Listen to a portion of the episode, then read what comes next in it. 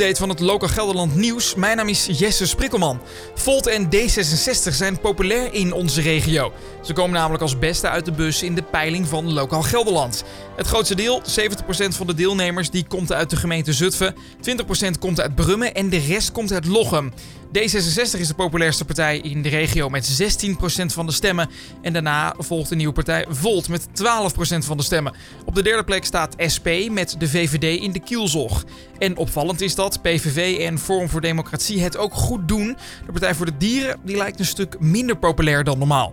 In Lochem staat Volt bovenaan, in Brum is dat VVD en in Zutphen D66. En die nieuwe partij Volt die is erg pro-Europa. Martin Gravelotte, kandidaat Kamerlid, kunnen jullie dan ook in de lokale politiek verwachten? Mijn, mijn idee is dat als jij, uh, als jij het gevoel hebt dat je er niet over gaat wat er in jouw buurt gebeurt, dat je ook veel minder open zult staan voor Europa, als je begrijpt wat ik bedoel. Mm -hmm, en op dit moment hebben steeds meer mensen uh, het idee dat ze nergens meer over gaan.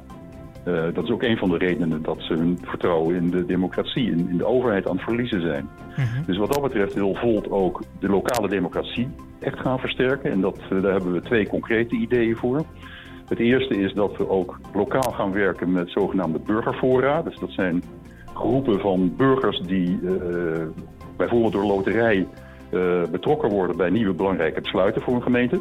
Waarbij die gemeente dan ook zo'n advies wat ze dan vervolgens van de burgers krijgt, uitermate serieus moet nemen en hele goede redenen moet hebben om dat niet over te nemen. In Zutphen is een verkiezingsposter van de VVD waar demissionair minister-president Mark Rutte op staat, beklad met een Hitlersnor. De lokale VVD'er Jorn Lok die spreekt er schande van. In de buurt van het Zutphense ziekenhuis en iets buiten het centrum heeft iemand de posters beklad. Eerder gebeurde dit soort vernielingen al in andere gemeenten in ons land. Ik vind deze actie echt walgelijk, zegt Jorn Lok, die dus in Zutphen actief is binnen de lokale VVD. Hij legt uit, je kan het met politici oneens zijn en je mag kritiek hebben op de VVD en op Rutte. Dat is ieders goed recht en dat is ook gezond in een democratie. Maar een politicus vergelijken met een man als Hitler gaat echt te ver. We maken het mee dat posters eraf gehaald worden of worden beschadigd, maar dit heb ik nog nooit eerder gezien, vertelt hij. Ook in Westervoort gebeurde het. Je een VVD-gemeenteraadslid bij Omroep Gelderland. Ja, het is te ziek voor woorden. Er zijn een paar, ja, om even hard te zeggen, gekken die hier rondlopen kennelijk. En die het nodig vinden om dit soort uh, leuzen op posters te plakken. Afgelopen zaterdag zijn de posters geplakt. Vervolgens is er eentje beklad. Daarop volgend hebben we die vervangen. En even later bleek dat, uh, dat ze alle vier weer beklad waren. Ja. Heeft u al aangifte gedaan? Nee, nog niet. En dat is ook heel bewust. We werken nauw samen met zowel de burgemeester als de politie.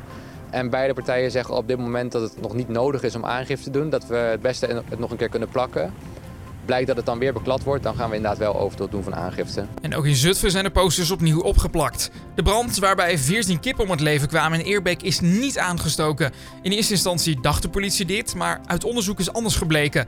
Brandonderzoekers hebben geconcludeerd dat de schuur door een technische oorzaak in vlammen opging. Er wordt ook geen verder onderzoek gedaan naar waardoor de brand wel heeft kunnen ontstaan.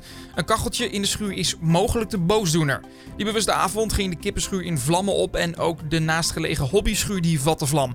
14 kippen die kwamen om het leven, alleen de haan die wist op tijd weg te komen van het vuur. Volgens buurtbewoners heeft de eigenaar van de schuur alles volledig zelf gebouwd. En tot slot, buschauffeur Peter, die met zijn bus door de stedendriehoek rijdt, die komt opvallende dingen tegen. Zo stond er in Deventer een man voor zijn bus met zijn broek onderaan zijn benen. Ja, als je echt iets leuks mee wil maken, dan moet, je, moet ik terugdenken aan een periode dat ik in Deventer was en dat er toen geen treinen reden. En toen had NS die had treinvervangend vervoer. En op een gegeven moment zit ik in mijn bus te wachten totdat het tijd is. Op een zondag was dat ook nog. En uh, toen komt er op een gegeven moment een oudere man. En die komt uit het station. En die had een pakketje onder zijn arm. En in de andere hand had hij een tas. En die wou die betreffende bus instappen waar, hij mee verder moest. En op het moment dat hij instapt, beurt hij zijn been op. En mwam, zakt hem zo de broek van de kont af. Stond hij daar in zijn ouderwetse onderbroek. Nou ja, en dat gebeurde tot, ik geloof, drie keer. En uh, naast me stonden buiten stonden een paar van die jonge meiden. Die stonden daar te wachten. En die zagen dat natuurlijk ook. Dus die draaiden hun hoofd al weg. En dan, zie je, dan weet je gewoon, die zitten achter hun hand een beetje te giechelen, weet je wel. Dus daar sprak ik ze ook op aan. Ik zeg, mooi is dat hè? ja zeggen die dames. Meer nieuws kun je vinden op lgld.nl.